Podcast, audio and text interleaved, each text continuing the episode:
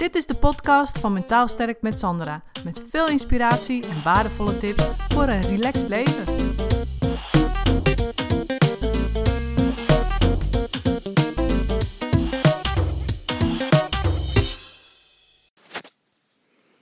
Toen ik 24 was en ik mijn studie had afgerond, toen uh, ja, was ik eigenlijk helemaal niet klaar voor mijn eerste echte serieuze baan. Ik dacht, weet je wat? Het lijkt mij fantastisch om betaald vakantie te gaan houden. Van april tot en met oktober plezier maken in een heerlijk zomers vakantieland en daar ook nog voor betaald krijgen. Dus ik solliciteerde voor hostess. En binnen de kortste keren had ik mijn ticket naar Turkije op zak om die betaalde vakantie op te nemen. En dat het leven van een hostess een wereld apart, apart was, werd me al snel duidelijk.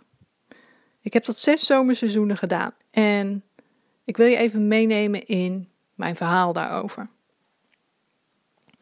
Want wat me opviel was dat als die Nederlanders aankwamen met het vliegtuig, dan stond ik ze natuurlijk op te wachten met een bus. En ik stond daar keurig in mijn uniform, voorzien van een clipboard, heel representatief op ze te wachten. En het eerste wat er gebeurde, zodra mensen mij gevonden hadden, dan schreeuwden ze in mijn gezicht: Welke bus moet ik hebben? En ik, weet je, ik schrok daarvan, want ik, ik dacht van, nou goh, eerst zeg je toch even gedag en zo. Maar nee, dat deden ze niet. Welke bus, welke bus? Iedereen was meteen helemaal in paniek. En ik zei heel vriendelijk, nou ook goedemiddag. Hè, terwijl ik ondertussen een verdwaald speekselspatje discreet van mijn voorhoofd probeerde te vegen.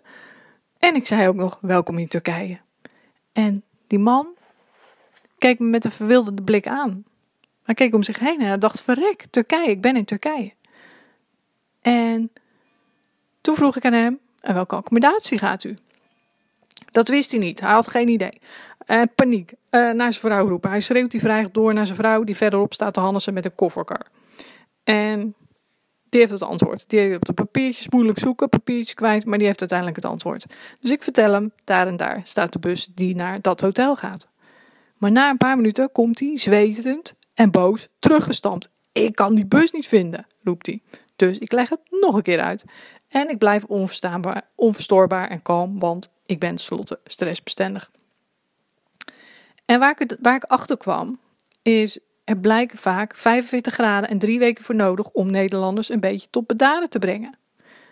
En dat lukt ook alleen maar als zich geen drama's voordoen in die accommodatie er was vaak overlast van barmuziek tot vijf uur ochtends. Uh, of ruzie met de hotelmanager over het meesmokkelen van eten en drinkwaren. Omdat ja, Nederlanders die vinden dan de minibar in de hotelkamer te duur. En of dat ze eerst drie keer naar een andere kamer verhuisd waren. Tot ze eindelijk precies dat uitzicht op zee hadden. Met het balkon en die twee stoeltjes zoals het in de gids afgebeeld stond. Want ja, daar heb je tenslotte voor betaald.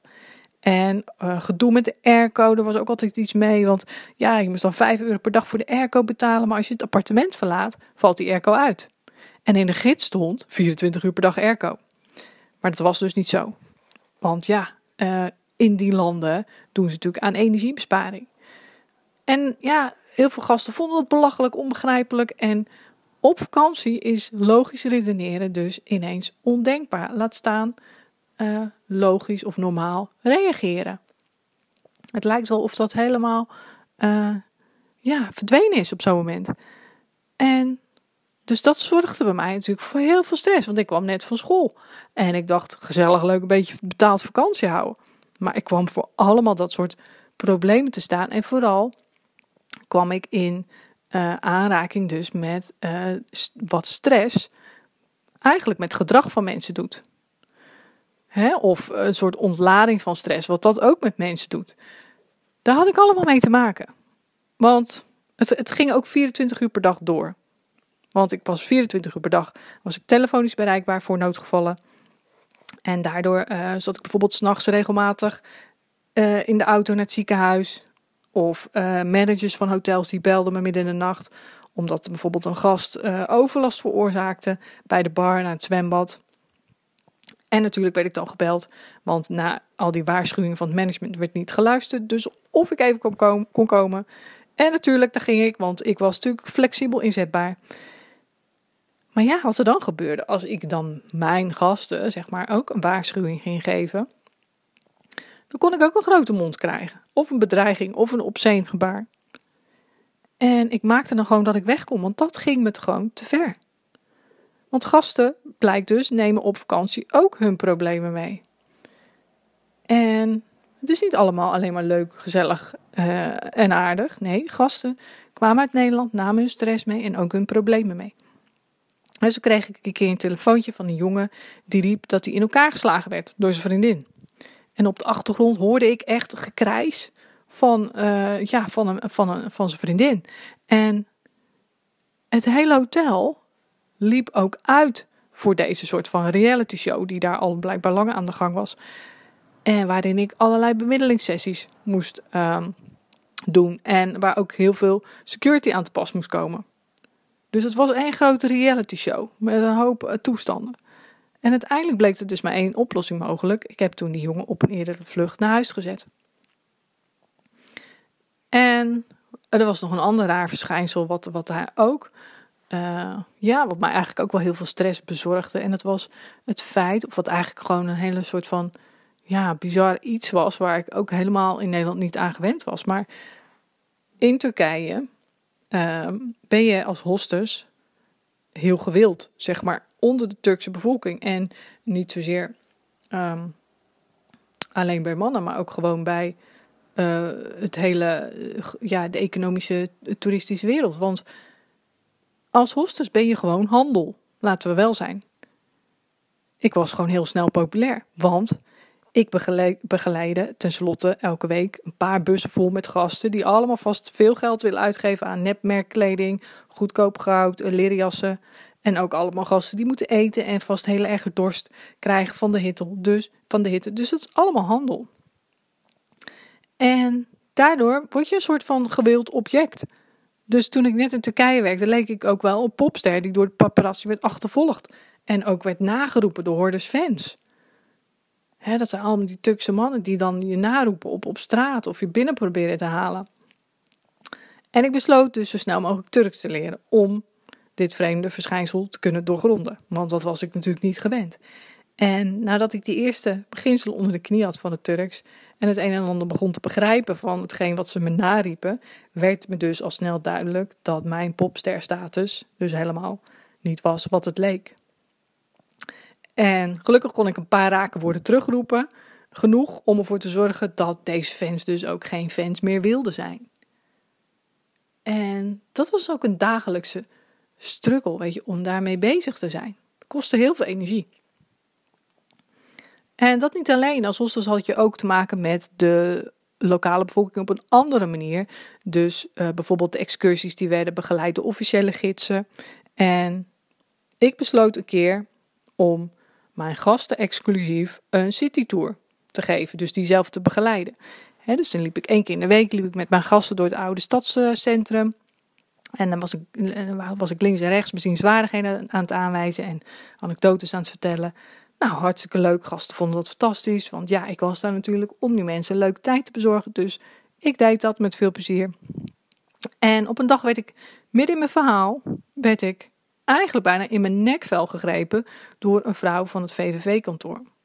En die snauwde me toe dat het verboden was om zonder officiële gidspas excursies te leiden. En ik probeerde hem nog onderuit te praten. Ik zei: Nee, maar ja, dit is mijn familie en ik laat hen het centrum zien. Maar ja, natuurlijk mijn uniform en mijn clipboard, die verraden me. Dus ik had ook nog te maken met de lokale bevolking als een soort van concurrentie. En een soort van, uh, ik moest me bewegen tussen de geschreven en de ongeschreven regels die daar ja, in dat uh, toeristische oord eigenlijk waren. En dus dat was ook weer, je kon niet zomaar elke stap zetten. Je moest over, over nadenken en ook regelmatig dus, ja, uh, confrontaties aangaan. Of ja, of, of hè, die, die, die kwamen dan spontaan, als je je daar niet aan hield. En dan had je altijd van die lolbroeken, zeg maar, die dan eigenlijk, net als ik, het idee hadden dat ik daar gewoon betaalde vakantie zat te vieren. want dat idee had ik ook voordat ik eraan begon. Joh, dat is betaalde vakantie. Nou ja, die mensen die, uh, die dan mijn gast waren geweest, die hadden dat idee ook. En die riepen dan, fijn vakantie nog, hè? als ik dan op het vliegveld eh, afscheid van ze nam. En dat kwam dan omdat die mensen mij toevallig op mijn enige vrije dag in de week op het strand hadden gesignaleerd. En ik zuchtte elke keer diep bij die opmerking, want ze moest dus weten dat ik dus eigenlijk toen maar één dag in de week had om het vakantiegevoel van die omgeving te absorberen en eventjes van mee te kunnen genieten. En als ik dan een strandje had gevonden waar ik geen gasten tegenkwam, werd mijn vrije, vrije dag vaak alsnog verstoord door bijvoorbeeld telefonische klachten of problemen. Maar goed, weet je, ik mocht niet klagen. Het strand en Azuurblauwzee lagen natuurlijk gewoon voor de deur. Ik hoefde er niet voor in de file te staan. Ik hoefde er niet uh, drie uur voor te vliegen. Ja, dat had ik natuurlijk al wel gedaan, maar hè, niet elke week in ieder geval. En ik hoefde hem niet druk te maken of het wel zonnig was op mijn enige vrije dag, want de zon scheen daar natuurlijk altijd. Maar ja, ik kwam er natuurlijk achter dat die betaalde vakantie helemaal niet zo'n vakantie was. En dat ik er gewoon keihard voor moest werken. En dat ik daar ook heel veel geleerd heb over wat stress doet met mensen en het gedrag van mensen. Als ze ineens in een andere omgeving zijn en denken van, ja, dan toch een hele andere kant van zichzelf laten zien. En ook dat mensen hun stress en hun problemen meenemen. Ook op vakantie, waar het eigenlijk leuk hoort te zijn. Dus dat waren natuurlijk hele belangrijke lessen. En voor mij was een betaalde vakantie, waar ik uiteindelijk het meest van genoot, was natuurlijk gewoon de vakantie die ik zelf boekte. Want uh, het echte vakantiegevoel had ik pas als ik in november op Schiphol stond. Als ik klaar was om aan mijn eigen vakantie te beginnen. dan had ik zeven maanden lopen zweten in de gloeiende hitte. Dan had ik nog bij wijze van spreken spierpijn in mijn kaken van het glimlachen. En ik was klaar voor mijn eigen vakantie. En op vakantie maakte ik natuurlijk bizarre avonturen mee. Ik ontmoette interessante medereizigers en ik zag prachtige dieren. En ik kwam er dus achter dat die reizen die ik in de winter deed, pas mijn echte betaalde vakantie is. Maar dan vakantie waar ik voor betaald heb. En niet vakantie waar ik voor betaald word. Want uiteindelijk bleek daar dus een heel groot verschil in te zitten. En dat, waarom vertel ik dit? Nou, omdat ik ook eigenlijk met, voor mij is deze hele periode een hele belangrijke persoonlijke les. Heeft me dat geleerd. Want um, daar kwam ik ook pas later achter. De allerbelangrijkste les die ik geleerd heb in het omgaan met mensen die heel veel stress hebben en problemen en uh, agressief tegen je zijn. Uh, hè, of ja, eigenlijk vooral met problemen en klachten bij je komen. Want dat was een beetje natuurlijk de core van mijn uh, werk daar. En daar had ik dus dagelijks mee te dealen. En dat kan heel intimiderend zijn. En de grootste persoonlijke les die ik daar voor mezelf uit heb gehaald, en die is dus niet in geld uit te drukken, is dat um, stukje trek het je niet persoonlijk aan. Ik zal nooit vergeten, ik zat een keer met een groep mensen en die vielen mij allemaal aan over iets wat niet in orde was in het hotel. En dat is heel intimiderend als je dan daar als één in je eentje zit en je hebt een stuk of twintig mensen om je heen die allemaal tegen jou tekeer gaan. Dan moet je heel sterk in je schoenen staan om niet te denken van, oh jee, ik heb iets fout gedaan. En in het begin was ik dat natuurlijk niet. Ik, ik, stond niet sterk in mijn schoenen, want ik trok het me allemaal persoonlijk aan. En wat deed ik dan? Ik ging in de verdediging. En op het moment dat ik in de verdediging ging, ja, dan werd het alleen maar erger. En dan hadden mensen nog meer argumenten en dan werden ze nog bozer. En ik weet nog heel goed dat er toen uh, een vrouw op mij afstapte na zo'n hele gebeurtenis, een hele deel debakel, hele discussie over iets met een hele groep. En ze zag mij natuurlijk struggelen op dat moment. En ze kwam daarna naar me toe en ze zei: Mag ik jou een tip geven? Zei ik: Ja, graag. Maar ik stond helemaal zwetend uh, en nog net niet hyperventilerend. Stond ik nog, uh, stond ik nog uit te dampen van, het hele, die hele gebeurtenis. En uh, ze zei tegen me: Nooit in de verdediging schieten. Wees het altijd eens met je klanten. Snap wat ze bedoelen. Toon begrip. Weet je? En ga dan werken aan een oplossing. Maar ga nooit jezelf verdedigen.